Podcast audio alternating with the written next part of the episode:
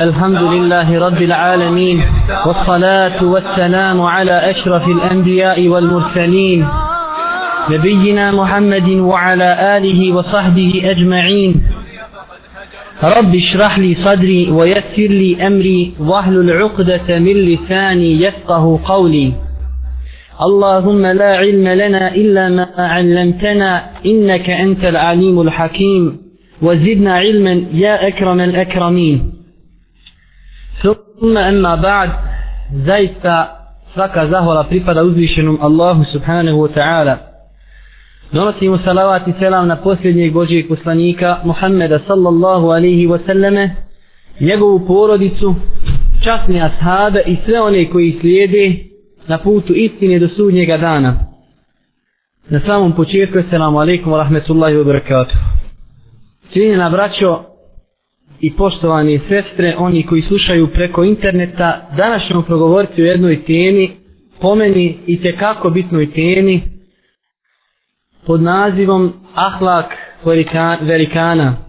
Ali prije nego što počnemo sa izlaganjem, da napomenimo da je ovo samo jedan dio u jednom serijalu o ahlaku. Prvo predavanje bi trebalo da bude ovo ahlak velikana, drugo predavanje bi trebalo i možda treći da bude načini, oko 50 načina kako čovjek može da stekni dobar ahlak. Nakon toga ćemo držati jedno predavanje ili dvoje, poslanik najbolji učitelj. Na početku velikani, ahlak velikana.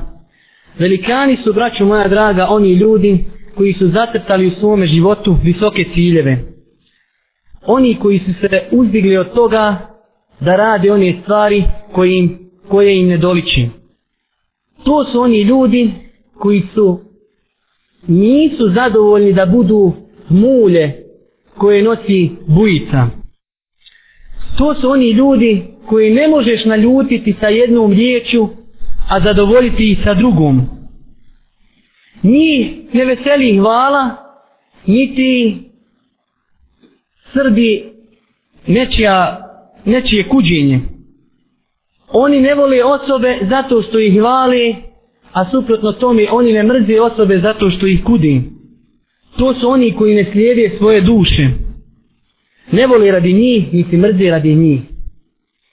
Kada kažemo riječ velikani, ne mislimo lju, na ljude koji su poodmakli u svojim godinama.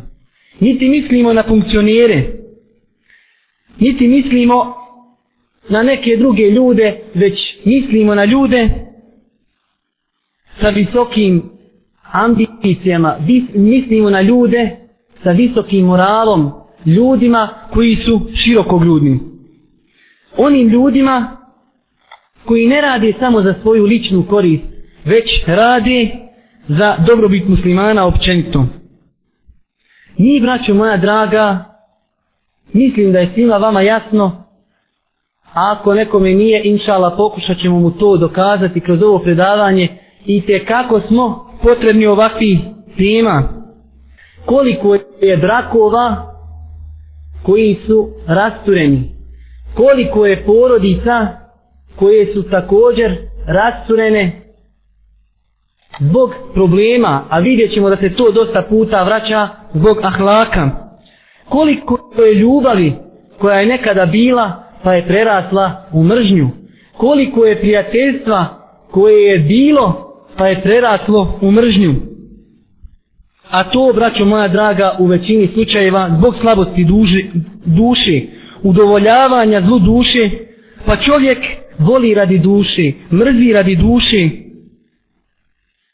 Čovjek se boji, bori zbog svog srca. Ne prima ni od kog da mu uradi neko loše djelo. I ako mu neko uradi, nema halala. Taj čovjek ne zna oprostiti. Taj čovjek ne zna halaliti.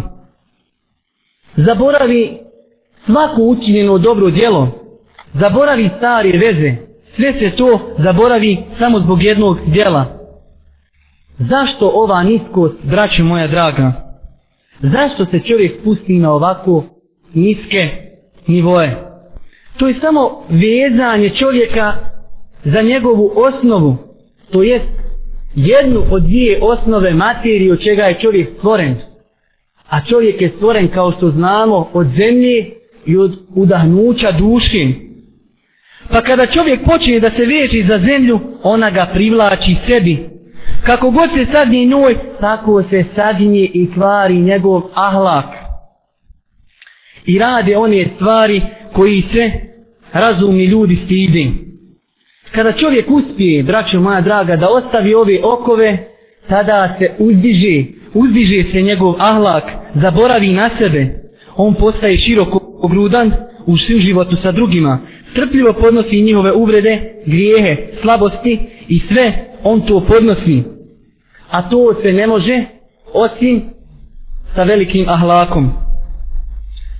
Braćo moja draga, ove riječi koje ćemo čuti upućene su prvo vašem predavaču, a zatim svima vama. Nemojte da neko misli da ovo govorimo nekom na ulici. Ovo govorimo svakom od nas pojedinačno. Nek svak ovo predavanje doživi kao da ga ja govorim njemu lično. Razmišljajmo, braću moja draga, o ovom predavanju na način da želimo da se popravimo. Da želimo da popravimo svoj ahlak, da popravimo svoj život, da od noćas vratimo se svojim porodicama sa drugim licem.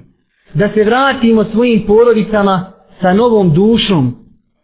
Da se vratimo sa okrenutom stranicom, novom stranicom u životu. Ova tematika, braćo moja draga, upućena je svim vrstama ljudi. Upućena je učenjacima, upućena je dajijama, upućena je pedagogima, upućena je direktorima, upućena je prijesednicima, upućena je općim masama muslimana. Svako treba da sebe traži u ovoj tematici. Normalno, svako onaj koji želi potpunost u svome ahlaku, a poznato je da svako žudi ka potpunosti. I svakog čovjeka kada bi mu kazao da je prost, da je bjednik, da je nedorastao, tako bi se ljutio. Zato, ako hoćemo potpunost, da kažemo, treba da se svi složimo oko toga da je potpunost nešto lijepo, potpunost u ahlaku, da je stvar za kojom svi žude. Duša je takva, braćo moja draga, da voli da sluša o ahlaku, o lijepim stvarima. Boži poslanici da nisu bili slati, osim da pozivaju ljude u lijep ahlak, sigurno bi to bilo dovoljno da im se ljudi odazovu. Kao što smo rekli, većinom svako voli da sluša o lijepom ahlaku, o primjerima Selefa, primjerima Božijeg poslanika, ali gdje je problem? Problem dolazi kada dođe praktično praktikovanje tog ahlaka. Tada dolazi problem. Tada kada se postavimo na mejdan praktikovanja ahlaka, tada zakažimo gdje se pokazuju pojedinačne vrijednosti i njihova stvarnost. Nije, braću moja draga, pojenta da slušamo predavanja o ahlaku, već je pojenta da ta predavanja provedemo u svoj svakodnevni život. Nije, braću moja draga, poenta, da se smiješ ljudima kada si u blagostanju, kada si u izobilju, već je poenta, pravi ahlak, stvarnost ahlaka je da se u svakoj situaciji ponašaš lijepo prema svojoj braći muslimanima. Allah subhanahu wa ta'ala sebe opisuje sa imenom, odnosno naziva se imenom i opisuje se svojstvom el asr, a to je oprost. To je oprost, da čovjek oprosti grijehe, da oprosti greške, ne kažnjava zbog isti i ne žuri u kažnjavanju zbog njih. Svako od nas trebao bi, braćo moja draga, da postavi sebi pitanje da li je velikan u ovom znači segmentu koje mi govorimo kada je u pitanju ahlak. Prije nego što počnemo iznositi mnoge primjere iz života Selefa, da spomenemo jednu stvar, a to je da dosta ljudi brka dva pojma, a to je, braćo moja draga, osveta i triumf za vjeru i osveta i triumf za naše biće. Ponekad izađemo na mrgođeni kada vidimo nekog čovjeka da kažemo koji radi grijehe. I pod plaštom vjere borbe za vjerom borbe za imanom mi se osvećujemo tom čovjeku a dosta puta dosta puta iza toga stoje neki lični interesi i slabosti svakog od nas. Također često nam se dešava da se pomiješa svojstvo slavi snagi, ugleda sa svojstvom osveti za ličnost i želje za istim uzračanjem. Ponekad kažemo ono što ne bi trebali, a sve to pod plaštom borbe za islam. A dosta puta, kao što smo rekli, dosta puta iza, iza toga stoje lični interesi. A naročito ako dođe i šeitan Allahu prokljetstvo neka je na njega, pa čovjeku kaže, ako halališ, ljudi će te smatrati slabićem. Spomenut ćemo, braćo moja draga, jest da je malo uvod poduži, ali ćemo sigurno spomenuti dosta primjera, kroz čiju prizmu ćemo mi moći izvagati sebe i svoje stanje kada je u pitanju ahlak. Svako će moći naći sebe, bio daja, bio misionar, bio direktor, bio supružnik, bio komšija, bio direktor šta god, svako od nas ko sjedne moći će naći sebe u tim primjerima. Primjeri koji će nam pojasniti našu udaljenost u ahlaku od onih ljudi na koje se mi dosta puta pozivamo. To neće, braću moja draga, nažalost, biti primjeri iz života Božijeg poslanika, sallallahu alaihi wasallame. On je u svemu doživio vrhunac, Njegov ahlak je opisala Aisha radijallahu ta'ala anha sa jednom dječencom kaže kane hurukuhu Kur'an. Njegov ahlak, moral je bio Kur'an. Pa šta misliš o osobi čiji je moral i čiji ahlak je Kur'an? Ali rekli smo da ćemo mi održati o tome i posebno predavanje. Nećemo spominjati praksu Božijeg poslanika iz još jednog razloga kako to ne bi bio nekom je dokaz da kaže Boži poslanik je pomognut od Allaha. Allah Đelešanu je udio šeitana od strani od njega još kada je bio dječak u plemenu Beni Sad. Također prije nego što je ošao na Isra, vol Mi'arađ, također njegovo srce je oprano u zlatnoj posudi u vodi zemzem. Da ne bi neko nam to kazao, mi ćemo navesti primjere Selefa, oni ljudi na koje se mi pozivamo, pa da bi se tu mogli svi izvagati. A neke primjere ćemo namjerno spomenuti života Božijeg poslanika, jer ti primjeri kada bi bili spomenuti, na bilo čije ime možda bi ljudi negirali ili bi pogrešno protumačili, ali kada se spomenu kao praksa Božijeg poslanika, onda se na njih i gleda drugačijim. I još jedna stvar prije nego što počnemo navoditi primjere, a to je, braćo moja draga, da treba da se preispitamo kada su u pitanju naša obhođenja prema ljudima griješnicima. Ljudima koji su u svome životu sakupili iman i griješenje, iman i bidate, iman i šubhe, nejasnoće u vjeri, Stav ehli sunneta od džemata, a mi smo od njih, jeste da se ti ljudi vole zbog njihovog imana, a da se preziru shodno njihovim grijesima. A ne više od toga, gdje smo mi dosta puta govorili da mi pobrkamo dosta puta lončiće i ljude koji su muslimani, stoje sa nama u istom sapu dosta puta zbog nekih stvari, bidata ili grijeha koje treba ocijeniti mi preziremo više nego što pre, preziremo one ljude koji su se jasno deklarisali kao kjafiri. Poslušajmo, braću moja draga, nekoliko primjera. Pokušat ćemo da ne odužimo, a ako i odužimo, bit će sigurno u tome koristi. Prvi primjer, primjer imama, muhaddisa, faqiha, Ahmed ibn Hanbala. U njegovo vrijeme se pojavila jedna velika fitna, a to je eh, da su nametnuta islamskim učenjacima mišljenja da je Kur'an stvoren. Pa je imam ibn Ahmed ibn Hanbel bio jedan od rijetkih imama i rijetkih učenjaka koji je ostao čvrst na tome da je Allah, da je Kur'an, Allahu govor, objavljen od njega subhanahu wa ta'ala, on i velik, znači jedna mala manjina islamskih učenjaka, na tom putu imam Ahmed ibn Hanbel doživio je velika mučenja, velike patnje, doživio je zatvoranja u zatvor, do te mjere da su ga izvodili na velikim žigama, bićevali ga za vrijeme posta, do te mjere da bi gubio svijet. I šta je taj imam Ahmed ibn Hanbel kada je izašao iz zatvora rekao, poslušajmo šta je rekao. Nikada se nije ljutio zbog sebe. Kada je se ljutio, ljutio je se radi Allaha subhanahu wa ta'ala. Govorio je nakon što je pušten, kogod me je spomenuo, ja mu halalim. Halalio sam Ebu Ishaku, a to je poznati halifa Mu'tesim.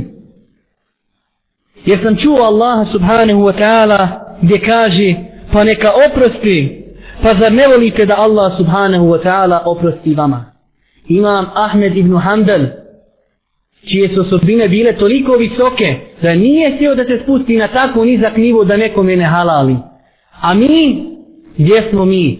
Prvo kada dođemo u sukob s nekim, ja ti neću halal, vidjet ćemo se na dan kada budemo stajali pred uzvišenim gospodarom. Ahmed ibn, Ahmed ibn Hanbel je bio uzvišeniji od toga da se spusti na tako nizak nivo da nekome nešto ne halali. Možeš li dozvoliti, o brate, o sestro, da Allah Đelešanuhu nekoga muči zbog tvog prava? Zato što si ti rekao da mu nećeš halaliti. Gdje smo mi od ovih primjera? Vidjet ćemo dosta primjera, a svaki od ovih primjera rekli smo da bi svako od nas trebao da ga svata kao da se njemu govori. Vidimo, braćo moja draga, Ahmeda ibn Hanbala, da nije otvorio dosije kad je izašao iz zatora pa rekao, ovaj me je pomogao, ovaj me nije pomogao, ovaj me je mogao pomoći, ovaj me je uvalio u zatvor, ovaj, ovaj, ništa, jedna samo riječ, ja sam svima halalijom. U cijeloj biografiji Ahmed ibn Hanbala, koja je tekako obširna, nećete naći jednu riječ koju je Ahmed ibn Hanbel progovorio zbog odbrane svoje ličnosti. Kada je govorio, govorio je braneći Allahu subhanahu wa ta'ala vjeru. Pogledajmo šehul Islama ibn Tejniju, na kojeg se mi, elhamdulillah, često pozivamo. Ali, bojim se jedne stvari, da ne zloupotrebljavamo neke učenjake. Mi se pozivamo na šehul Islama ibn Tejniju kada nam njegove fetve odgovaraju. Nemojte, braćo, da budemo kao što su neki muslimani danas, pa prihvataju fetve od pojedinih učenjaka samo kada im te fetve odgovaraju. A, te, a kada im fetve od istih ti učenjaka ne odgovaraju, bacaju te fetve za leđa. Nemojte dozvoliti da budemo i mi takvi. Poslušajmo šehu Islama, pa se ogledajmo u njemu, u njegovom životu. Šehul Islam, također, to je sunnet Allahu, subhanahu wa ta'ala, da je ulema, jer Allah, da je ulema uvijek zatvarana. Šehul Islam je bio zatvoran, mučen, pačen, prebacivan iz zatvora u zatvor, iz Damaska u Egipt, nekad puštan, nekad zatvaran. Učenjaci tog vremena su se podigli protiv šehul Islama, protiv koga? Protiv šehul Islama, protiv čovjeka koji je cijelu zemlju upotpunio, ispunio svojim znanjem, ispunio svojim misionarstvom, ispunio džihadom protiv tog čovjeka, čovjeka koji je zabludeli sekte, sasjekao mačem Kur'ana i sunneta, protiv takvog čovjeka su se podigli. Protiv šehul Islama ibn Tejnije, a njegove knjige koje mi, hvala Allahu, danas čitamo, neke i na bosanskom jeziku, najveći su dokaz veličine tog čovjeka. I poslušajte, ahlak, visoke moralne osobine kod tog šehul islama. Kaže se da jedan od najžešćih njegovih neprijatelja bio čovjek iz redova malikijske pravne škole. Ovo, braćo moja draga, nemoj da ko pogrešno shvati, ovo ne umanjuje ništa od malikijske pravne škole. Čovjek koji se zvao Ibn Mahluf. Čovjek koji je davao fetve da je šehul islam Ibn Tejnije kafir šehu, da je šehul islam, da je njegova krv halal i dozvoljena. I poslušajte, braćo, umire Ibnu Mahluf za vrijeme života Ibnu Tejnije. I ko je to čuo? Čuo je to njegov najbolji učenik Ibnu Al-Qajim. Dolazi svome šehu i kaže Moštuluk, Moštuluk, umro je naš najveći neprijatelj danas. Pa je šehul Islam Ibnu Tejnije upitao, a ko je to? Pa mu je rekao Ibnu Mahluf. Šta mislite šta je uradio šehul Islam Ibnu Tejnije? Na kojeg se mi pozivamo često. Je li učinio seždu zahvali? Nije tako mi Allaha. Kaže Ibnul Qajim, dobro me je nakritikovo zbog tih mojih riječi. Pa je rekao, inna lillahi wa inna ilaihi rađi'un. Mi smo Allahu i njemu se vraćamo.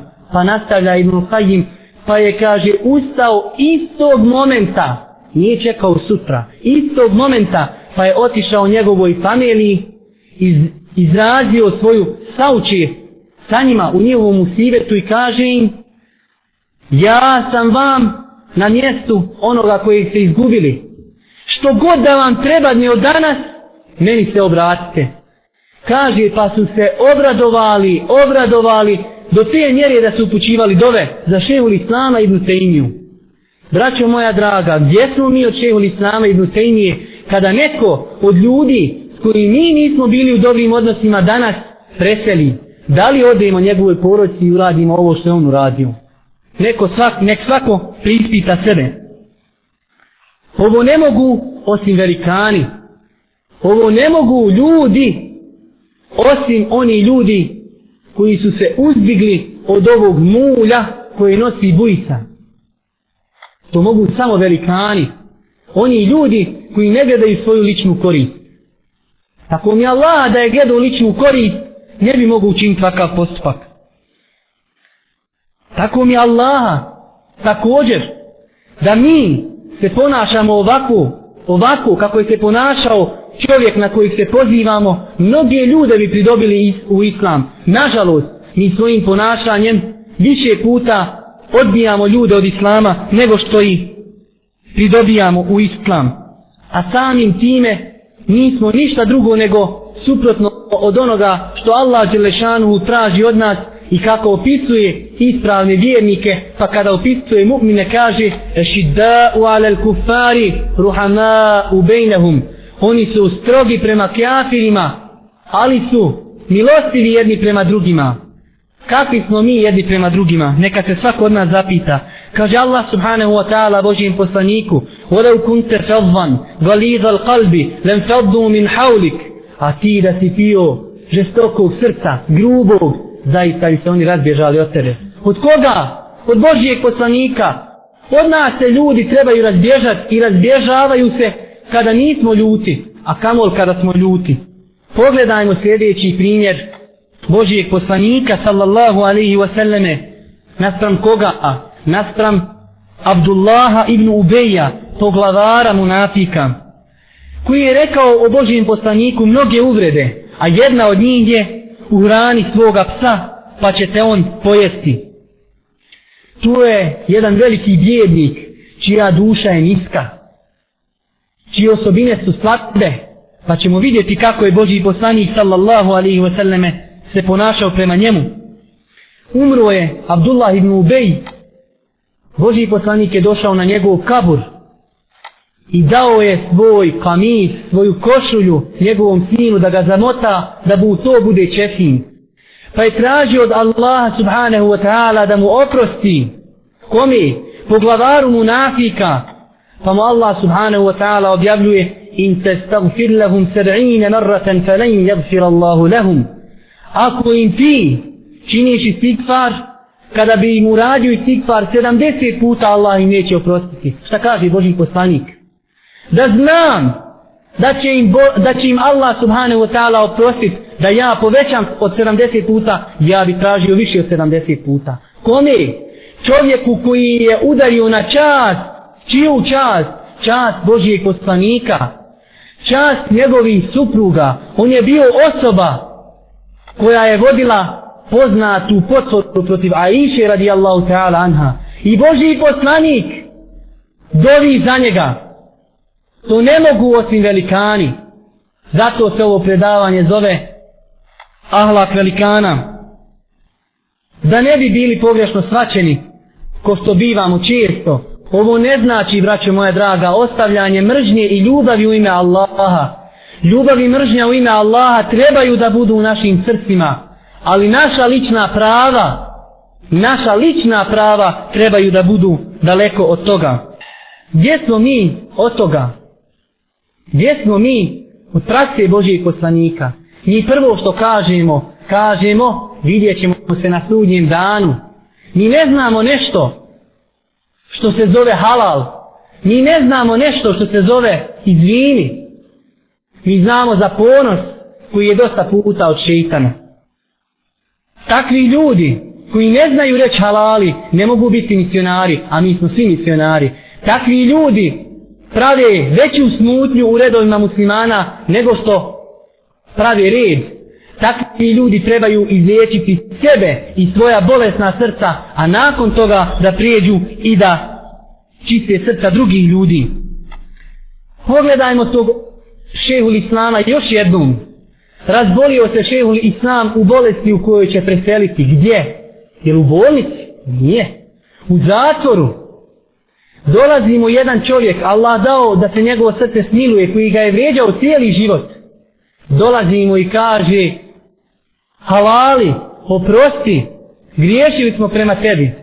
Samo je šehol Islam Ibn Tejmije rekao? Jer mu rekao, ne, sad mi dolaziš, ja umirem u zatvoru. Ne, kaže, halalio sam tebi i svima muslimanima koji su me vrijeđali ne znajući da sam ja na istini. Halalio sam, kaže, kralju Nasiru, jer je on ono što je radio, naređivo da budem zatvaran, radio sljedeći drugi.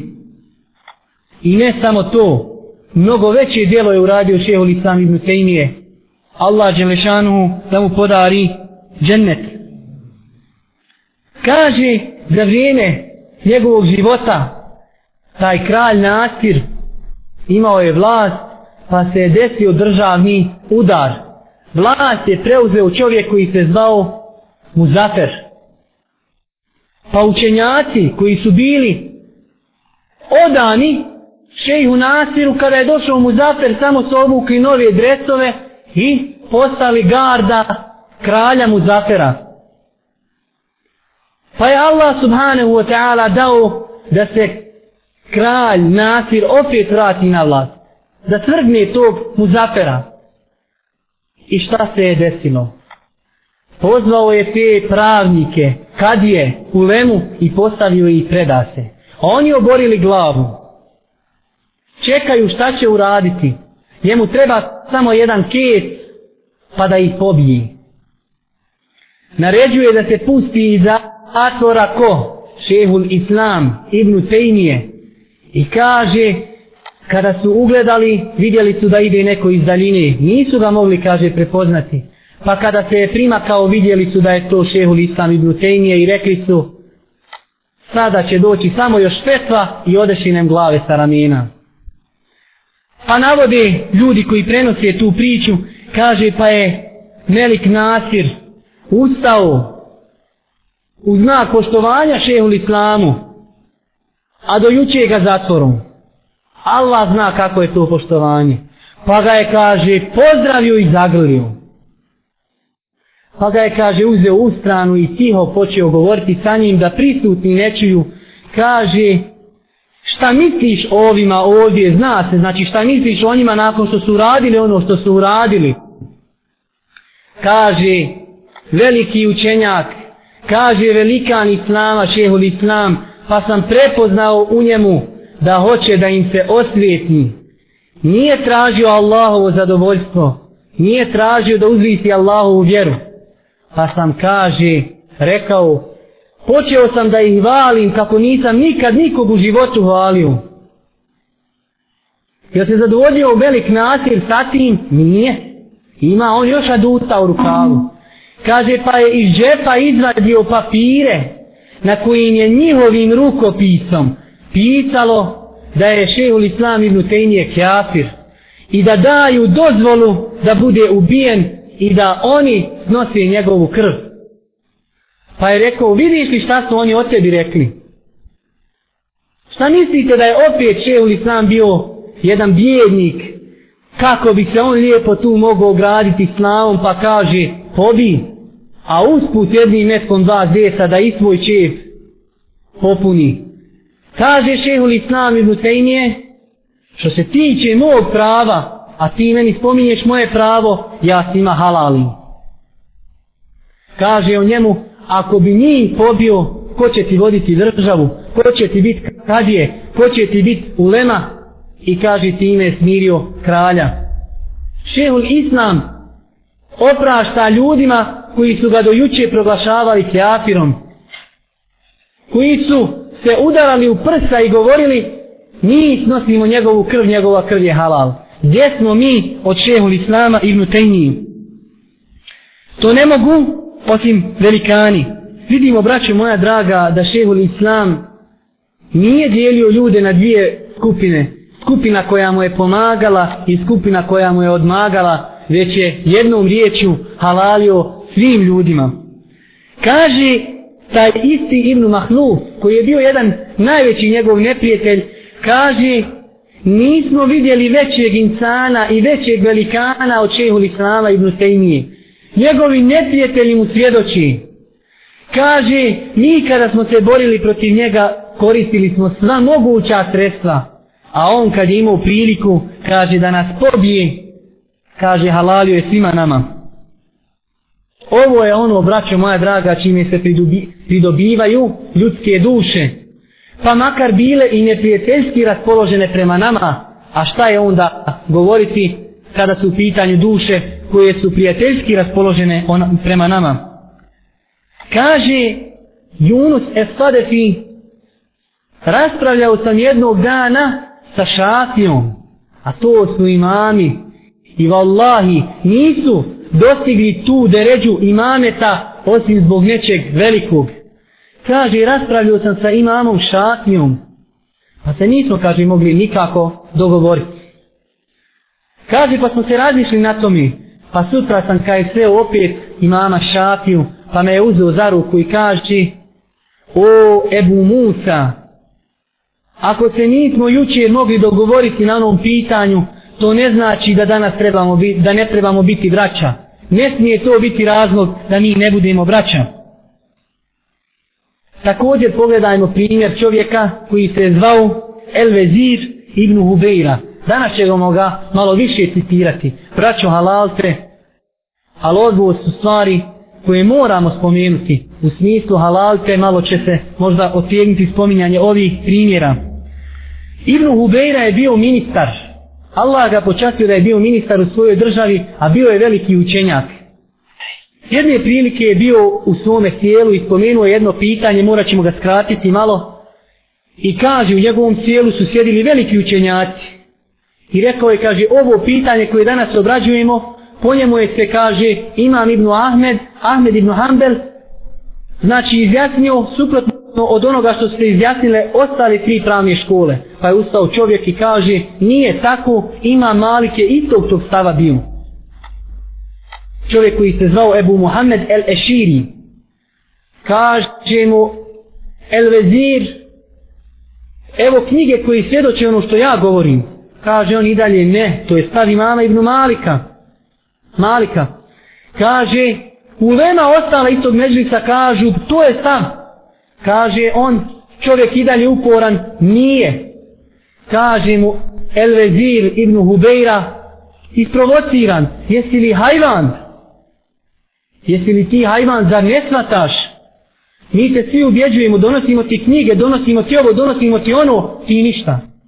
I šta, braću moja draga? Šta mislite kada ja nekom od vas, ne do Allah, rekao tako nešto? Da li bi ikad u životu više došlo na ovo predavanje?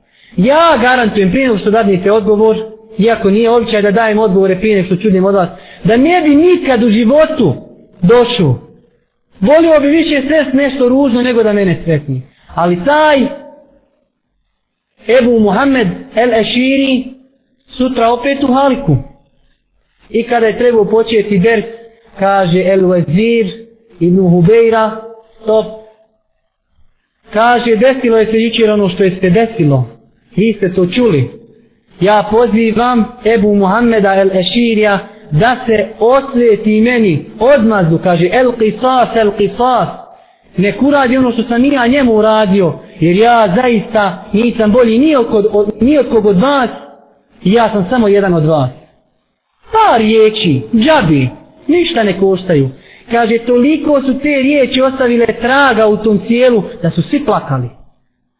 Pa je odbio normalno Ebu Muhammed da to kaže, pa su se na kraju dogovorili ako nećeš što kažu krvarinu, evo ti iskup, pa mu je platio neke njegove dugove kako bi i on bio miran i ovaj da se iskupi za grijeh koji je počinio prema svom bratu muslimanu.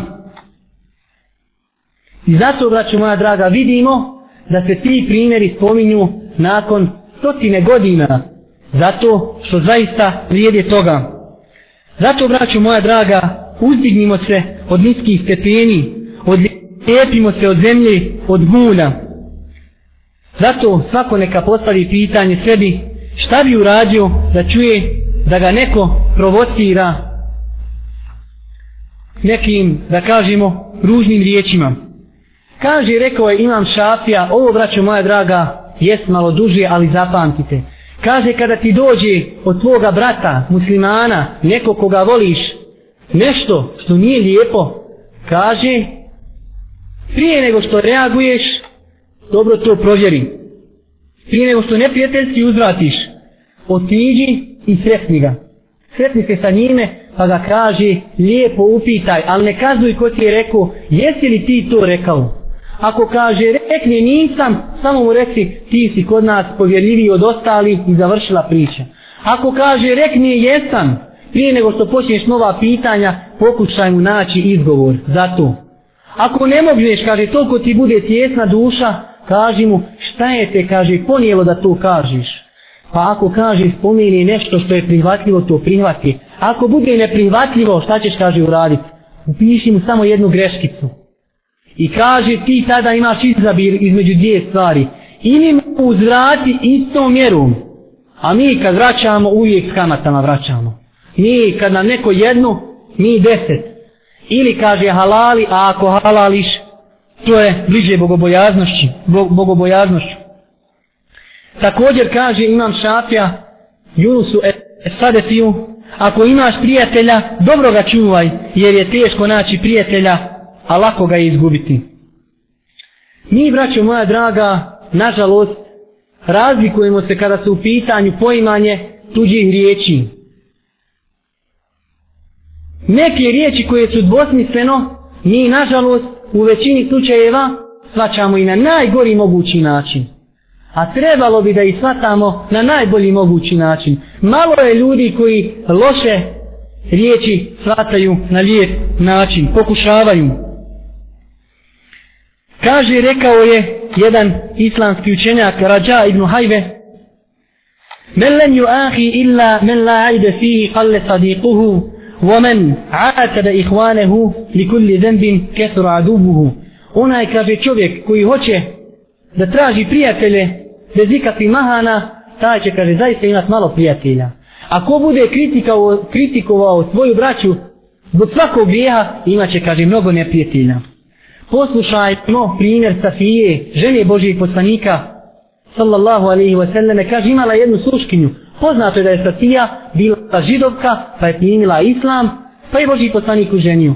I dolazi sluškinja Omeru radijallahu ta'ala anhu i kaže mu za njegovog znači hilafeta, o Omere, Safija kaže voli subotu, zato što je subota znači židovski sedmični praznik i kaže posjećuje židove, Omer pametan, pravedan, ne presuđuje dok ne čudne drugu stranu pa poziva Safiju, pa kaže Safija je listina to. Kaže Safija, prestala sam voljeti subotu od kako mi Allah zamijenio petkom, to jest kako sam primila islam. A židove obilazim zato kaže što ima, imam tu svojih rođaka, pa pazim rodinske veze. Pa se okreće Safija, ona koja je odgojena u najboljoj školi, koja ikad postojala na zemlji, školi Božijeg poslanika, okreći se svoje služavke, kaže šta je te navelo da to kažiš? Ona kratko odgovara jednu riječ, kaže šeitan. Kaže, slobodna si, od danas si slobodna. Znači, moja draga, ovo najdje dama nije ništa veliko. Ali zamislite da vi imate jednog slugu koji je 24 sata vama na raspolaganju. Šta god tebi mrsko, haj sluga. I da ti sutra kažeš tom slugi slobodan si. Tako mi Allaha razmišljao bi 10 godina da ga oslobodiš. Bilo bi ti žao zato što smo svi zljem dohani. Ali ona uzdiže se na jedan visoki moral na nivo velikana i kaže ti si slobodna. U ime Allaha subhanahu wa ta'ala. Svako neka postavi sebi pitanje kako bi se ponašao u ovoj situaciji. Kako bi se ponašali da dođemo u situaciju da stavimo ruku u džep kad ono nema novčanika. U njemu dokumentacija, u njemu pare, kredit. Nećemo govoriti malo kamati. I šta bi? Sigurno bi bilo klijeti ona najmanja bi bila potrošio i u lijekove. To ono najmanji. A šta bi bilo najveći sad shodno mašti? Ali bilo bi svašta. Pogledajmo učenike Božije poslanika kako reaguju. Abdullah ibn Mas'ud, učenik najboljeg profesora. Kaže jedne prilike krenuo iz kuće i kaže pare i u turban stavi gore. Ošao na pijacu, kupio šta mu je trebalo u turban, nema. Kaže ljudi šta je? Ukralo kaže pare. Sada se ljudi počeli kukat, počeli dovit, počeli psovat, pa gore, pa dole. Šta je rekao Abdullah ibn Mesud? Šta mislite? Kaže, o gospodaru, dova. Ali nemojte misliti da je protiv, vego za čovjeka. O gospodaru, kaže. Ako su mu bile pare potrebne, podar mu bereket u njima. Ne čovjek treba dobro koristi. A ako je, kaže, tu uradio, iz toga što se ne boji tebe, kaj učin da to bude njegov zadnji grije. Da to čovjek uradi, posle toga se pokaje Bogu. Završio Abdullah ibn Mesud priču o novčaniku. Poslušajmo priču Zainul Abidina, poznata osoba, velikan muslimanski. To je ko? Alija, sin Hasanov, sin Alije, ibn Abi Taliba. Znači praunuk Božijeg poslanika. Sjedi jedne prilike u sjelu i dolazi mu njegov Amidžić. Između njega i njegovog Amidžića su bile neke razmjerice. Dolazi mu Amidžić u tom sjelu I kažu oni koji su to slušali, nije ostavio ni jednu ružnu riječ koja se mogla kazati da mu je nije rekao. Sve. Kaže Zinu Labidin šuti što bi rekli naši ljudi ko zaliven. Ni riječ. Ovaj se ispričao, vidio nikomu ne odgovara, otišao kući. Zinu Labidin sjedio, razlišao se cijelo i on kući. Dolazi noć. U noći radi ono u prsima i Zeynu Labidin odlazi njemu na vrata. Što mislite šta je ponio sa sobom? Znam da svak misli ono što, da je bio tada mitraljezan, da sad bi rekao mitraljez. Nije bilo mitraljeza. Nije ponio ni sablju, Ništa. Goli ruku. Pošao pokucu na vrata. Izlazi njegov Amidžić. Šta mislite šta mu je rekao? Kaže, o Amidžiću. Ako je istina ono što si danas rekao, molim Allah da meni oprosti. Znači ako se primjeri toliko ima ružnje osobina, molim Allah da mi oprosti. A ako nije istina, molim Allah da tebi oprosti. Esselamu alaikum i nazad. Ništa viši. Kaže, toliko je bio potrešen taj čovjek da je krenuo za njim, da ga moli, kumi, halali, halali. Kaže, ja sam ti već halalio, završena priča, selam alaikum, halal. Velikani. Ahlak velikana. Naziv predavanja. Poslušajmo jedan primjer drugi od jednog drugog velikana koji se zvao Omer ibn Abdulaziz. Neki ga zovu peti pravedni halifa. Nastupila mu smrt, smrtne muke. Kaže prisutnim kod sebe, a jedan od njih muđahid, kaže šta kaže ljudi pričaju o tome zašto ja umirem, šta je razlog moje smrti. Kaže pričaju da si obstinjen. Nije kaže. Omer ibn Abdulaziz je bio veliki učenjak. Kaže, zovite moga roba slugu. Kaže on slugi, šta je te to navelo da mi staviš otrovu piće? Znao da ga je njegov sluga otrovu. Kaže sluga, dobio sam hiljadu zlatnika da te otrujem i bit ću oslobođen nakon što ti budeš ovo dobro braćo moja draga ako ništa od noćasnih predavanja ne zapamtite ovo zapamtite kaže sjedio je jedan dan sa učenicima i diktirao im knjigu El Iftah. kaže dolaze ljudi dovode čovjeka i kažu ovaj čovjek je ubio našeg brata. Kaže šejih, je li istina? Kaže jest mi smo se malo poroškali i kaže ja sam ga ubio. Kaže on njima oslobodite ga kaže. Ja ću vam platiti koliko god hoćete krvarinu za njega i platim šestotina zlatnika. To je jedna fina vreća zlata. Šestotina zlatnika. Kad su oni otišli zadovoljni kaže sjedi. Sjedi on malo naredi on kaže donese mu 50 zlatnika i kad je dobio pare možeš ići slobodan si. Gledaju učenici, vjerovatno neki iz familija, vjerovatno nešto su, rod. Zna se da mi ne pomažemo svim familiji. Kažu on njemu, šej, te nam kaži, kaže, što si, kaže, se toliko zauzeo za vidimo da ti nešto vrijedi u životu. Kaže, jes. Prije 40 godina, kaže, tačno, prvo on njih pita, kaže, vidite li vi da ja ne vidim na desno oko? Kažu, ne vidimo oči. 40 godina ne vidim, kaže na njega. Što? Kaže, prije 40 godina išao sam ulicom i nosio sam knjigu, kaže, pika. Naišao, kaže, čovjek, a to je, kaže, ovaj sad. Nositi o korpu voća. Kaže, meni gdje ponesi korpu? Kaže, nisam ja hamal da nosam korpe, neću. I kaže, popne mi se na kosti, ubije me toliko da mi oko izbio. I nisam ga od tada vidio do danas. 40 godina nisam ga vidio. Čovjek koji mi izbio oko. I kaže, otkupio ga da ga ne ubiju i tu smo dao 50 zlatnika. A mogo jednim metkom da vaze sa vodce ga, ubijte ga što je ubio čovjeka i selam ali mirna Bosna. Ali, naslov predavanja, nećemo više ponavljati, ahlak velikana. To su oni ljudi koji su se uzdigli daleko od ostali. Kaže jednom velikom mudracu Ahnefu ibn Kajsu čovjek, svađaju se pa mu kaže, samo mi kaže reci jednu riječ. Odmah ćeš, kaže, od mene dobiti deset. Odmah ja svakom loncu poklopat sam.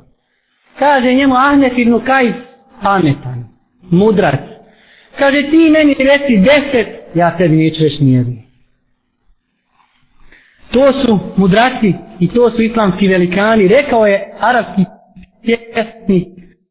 Citirat ću ove stihove, prevešću zadnja dva, a oni koji znadno arapski nek slušaju i ostali. Kalu se kette wa kad husimte kultu lehum inna al dževabe li babi šarri miftahu.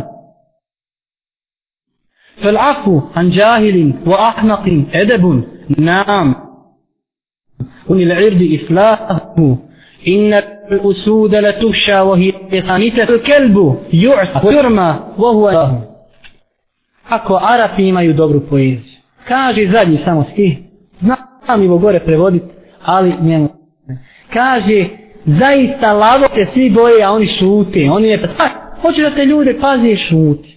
Ko puno pričaš, znaj da nema velike fajde od tebe. Zato, brate, dobro razmisli kako ćeš se postaviti ako sutra doživiš neku neugodnost i neprijatnost na današnjim našim ulicama. Kaže Abdullah ibn Mesud u hadisu koji bilježi Buharija i Muslim, kao da gledam u Božijeg poslanika, priča nam o, o jednom od Božijih poslanika, Božiji poslanik naš, priča o nekom drugom Božijem poslaniku, priča, kaže o njemu kako ga je njegov narod istukao do te mjeri da mu teče krv iz lice. A kaže, on govori, briše krvi govori, o gospodaru, oprosti mom narodu, zaista oni ne znaju. Šta bi bilo kad bi našli nekomu barek krv bosansku proliju? Allah najbolje zna šta bi bilo, ali bilo bi svašta. Dolazi čovjek Božijem poslaniku sallallahu alaihi wasallame Prevodimo kraj, braći moja drago predavanje, strpite se. Dolazi Božijem poslaniku čovjek, Božji poslanik u gruboj odjeći i kaže čupa ga toliko da je ostao trag na njegovom vratu. Koliko ga jako potigao. I slušajte kako mu se obraća. Na najgori mogući način. Arapi su tada, ashabi smatrali kad neko zovne Božijeg poslanika sa Muhammede, da je to najgori, najgori edeb sa Božijim poslanikom, kaže mu, o Muhammede, naredi da mi se dadne od imetka muslimana, kaže, nije to ti ni čačino, ni materino. Šta mislite kako je Boži poslanik reagovao? Kaže, nasmio se, dadnite mu, kaže, to što traži.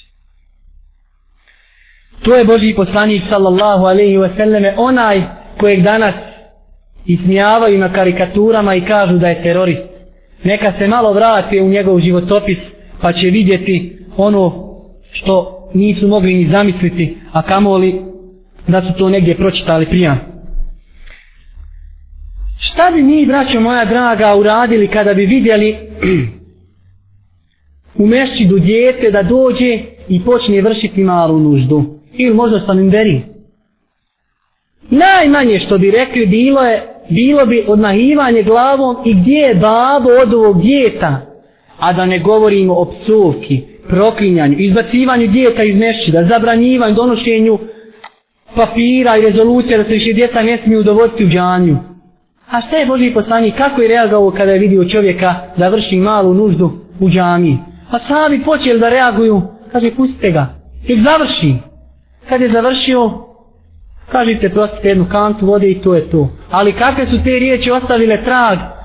Kaže onaj čovjek, tako mi Allaha nisam nikad vidio u životu boljeg pedagoga, nit boljeg profesora, nit boljeg učitelja tako ostavljaju trag te riječi Božijeg poslanika. Zamislite jednu drugu situaciju. Ima mesčida, klanjamo mi za njim akšam i ostane 10 minuta na jednoj seđdi. I neko od nas podigne glavu, ne može više, čovjek možda ima krvni pritis, ima nešto, podigne, kad hođino dijete, na leđima uhođe sedi. Što mislite tu? Ja mislim da bi mi svi zajedno skupa otišli do najvećih institucija i mijenjaj hođu. Prvo mijenjaj hođu što je odužio. Nismo mi došli klanjati teraviju. Mi klanjamo akšam. A drugo hođa što će ti djete u džamiji. Znaš da se ne smiju dovoditi djeca u džamiju. Po našim. Bošnjaškom mesebu. A Boži poslanik sallallahu alaihi wa sallam jedne prilike ostao duže na namazu, na seđbi. Jedan ashab podigne glavu da vidi šta je kad jedan od dva unuka Božijeg poslanika sjedi na leđima Božijeg poslanika. Ošao čovjek na seždu, kada se završio namaz, Boži poslanik sallallahu alaihi wa sallam pojašnjava šta je razlog, pa kaže, ovaj moj sinčić, baš vijeć došla, kaže, irtehaleni, uzjašio me. I nisam, kaže, htio da ga ometam, dok nije on sašao sam, kad je on sašao, onda sam ja se digao sa seždi. Poslanik, salavatullahi alaihi, sallallahu alaihi wa sallam i mnogo puta ćemo naći mnoge ljude, braću moja draga, da griješe kada je u pitanju dovođenje djece u džaniju. Kada vide djete u džaniji, babu od tog djeta da mogu ikako, ali eto, još nije to izmišljeno da se taj čovjek pojede očima. Ali da može ljudi bi ga pojeli. Ne razmišljaju da je taj čovjek možda odvuku ženu u bolnicu, a hoće da dođe u džemat. Ja znam da bi bošnjaci volili da on ode u birtiju, da loči. Nema smetnji. Sam nemoj nam dolaziti u džanju sad i to. Nažalost. A vidimo praksu Božijeg poslanika sallallahu alaihi wa sallam. Kaže, ima Malik navodi o jednom insanu koji se zove Kasim ibn Muhammed. Kaže, taj čovjek kada god bi mu neko došao da se oko nečega raspravlja, on bi mu rekao, kaže, to oko čega hoće da se raspravljamo, eto tebi kaže u slučaju da je to bilo tvoje, pa tebi i pripada. A u slučaju kaže da je bilo moje, ja ti halalim, nemam se ja, kaže, kad raspravljati i neću da se spuštam na tako nizak nivo da se raspravljam sa ljudima. Zato, mo, braću moja draga, na kraju ovog predavanja moramo spomenuti jednu bitnu stvar, a to je naši odnosi prema našim hanumama kada je u pitanju oprost i halal. Nažalost, mi se dosta puta odnosimo prema našim hanumama kao prema hajvanima. Pa makar te žene, ja znam da griješi, Pa makar do te mjere da treba biti razvod braka, ali je li to način da se obhodimo sa ženom koja nam je rodila djecu? Sa ženom koja nam sprema hranu? Sa ženom kojom su proživjeli dosta toga lijepog i kada napravi jednu grešku, zaboravimo to sve. Zaboravimo to sve. Poslušajmo primjer iz života najboljeg učitelja, ovo ćemo citirati, jer kada bi citirali neći drugi primjer, vjerovatno bi ljudi rekli papučar nije smio reagovati. Božijem poslaniku sallallahu alaihi wa sallame jedna od njegovih žena šalje on u društvu, u društvu i šalje mu tanjir, djelu i u njoj hrana. Kada je došla hrana u kuću druge žene, ljubomora poslala sluškinju donesi tanjir i odzemlju. Kaže Boži poslanik sluški, donesi, kaže, sam njezinu posudu. Pokupio hranu, kaže samo dvije rečenice. Hrana za hranu, tanjir za tanjir, probudila se, kaže, ljubomora kod vaše majke. Ništa više. Realno, braćo, šta bi mi uradili da nam to žena uradi pred sjelđima, da nam uradi bez sjelđima? Ma što bi rekli ljudi, kroz, kroz rešeto bi je protirali. Boži poslanik. Ovo da smo naveli primjer da je tu radio Daja, hej, rekli bi papučar, je da žena utirala u rid. Ali hajde kaži Božim poslaniku, inneke la la hulukin azim, zaista si ti, visokih moralnih vrijednosti, Boži poslanik. Nije bio papučar, sigurno, ja garantujem. Kaže, braće moja draga, kada u pitanju taj halal, također se obraćamo i ženama, pošto ima sestara koji slušaju ovo preko interneta, a možete i vi prenijeti svojim hanumama. I one trebaju nama nekad progledati kroz prste. Ne treba zbog jedne greške čovu prekrižiti 100%, pa taj čovo valja, svaki dan nešto privrijedi. Ne treba ga zbog jedne greške prekrižiti. Svakome se dešavaju greške. Ali kad izvagaš koliko taj insan vrijedi, cijeli svoj život donosi u tu kuću da bi Hanuma mogla na vrijeme imati i spremiti i oprati i najmanja greška žena ne priča sa čovjekom. Nisi spremna halaliti čovjeku koji ti cijeli život donosi i čini dobročinstvo. Poslušaj Božijeg poslanika pa se izlagaj na svom tog hadisa. Dolazi čovjek Božijem poslaniku i kaže o Božiji poslaniće koliko puta da oprostimo dnevno robu. Robu, nije ženi, nije čovjeku, robu. Znate šta je rob? Rob je roba koja se prodaje. Taj rob ima prava u islamu. A šta mislite kakva su prava čovjeka i ženi? Koliko, kaže, puta pita jednom poslanik šuti. Pita drugi put, poslanik šuti. Pita treći put, poslanik kaže, oprostite mu dnevno 70 puta, hadis zabilježio Ebu Davud, šeh na sredina Albani kaže da je sahih. 70 puta. Tako ti Allaha jesi svome djetu i ženi 70 puta oprostio za cijeli život. Nije za dan. Za cijeli život. Saberi pa ćeš vidjeti da nisi došao do 35, pola od 70, kamoli da si došao za cijeli život. Boži poslanik kaže da se robu oprosti 70 puta dnevno. Allahu ekber, ima li šta ljepši od ovi naši vjeri, ali da se praktikuje onako kako je došla. Kaže jedan od, hajde i nazovemo zadnji primjera, kaže, prenosi se od jednog učenjaka koji se zvao Ibnu Aud. Kaže, prenosi se da imao jednu dobru devu. I kaže, s tom devom je išao na hađ i išao je u džihad. To je, braćo moja draga, da vam ja samo malo to prikažem, pokušam. To je kod da sad imate jednog dobrog Mercedesa, ono 500 selim, te neke tipe.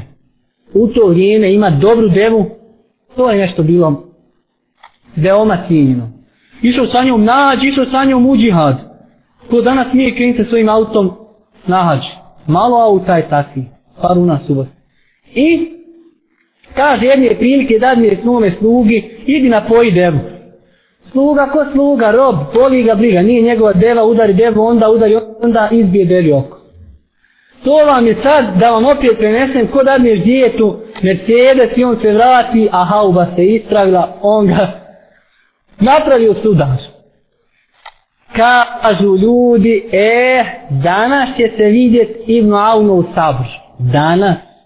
Sve do sad je bilo glum plah u ali deva ode, ode Mercedes, ode šefarov, jedan far ko moj ugo. E, tu će, kaže, doći do izražaja. kaže, došao on kod gazde Ibnu Auna, doveo devu, deva nema oka. Kaže njemu Ibnu Aun, subhanallah. Pa kaže, kad ti je već udaru, da nisi našao drugo mjesto osim počina. Haj kaže, barak Allahu fika, to znači Allah ti podario bereket, voz mi iskući slobodan se danas. Da se ne veli šta desilo, idi iskući slobodan se. Oslobodio mjesto da ga kazni, sad ćeš mi radi dok mi zaradiš novu, bolju od nje, kaže, barak Allahu fik, slobodan si. To su, braćo moja draga, neki primjeri o velikanima Islama koje smo htjeli noćas da spominimo. I samo na kraju da rezimiramo, svi smo svjesni da treba da se okitimo dobim ahlakom. Zato vas pozivam, a sebe prvog od noćas, da se vratimo našim familijama, da smo obukli novo odjelo. Nemojte misliti da je to nifak.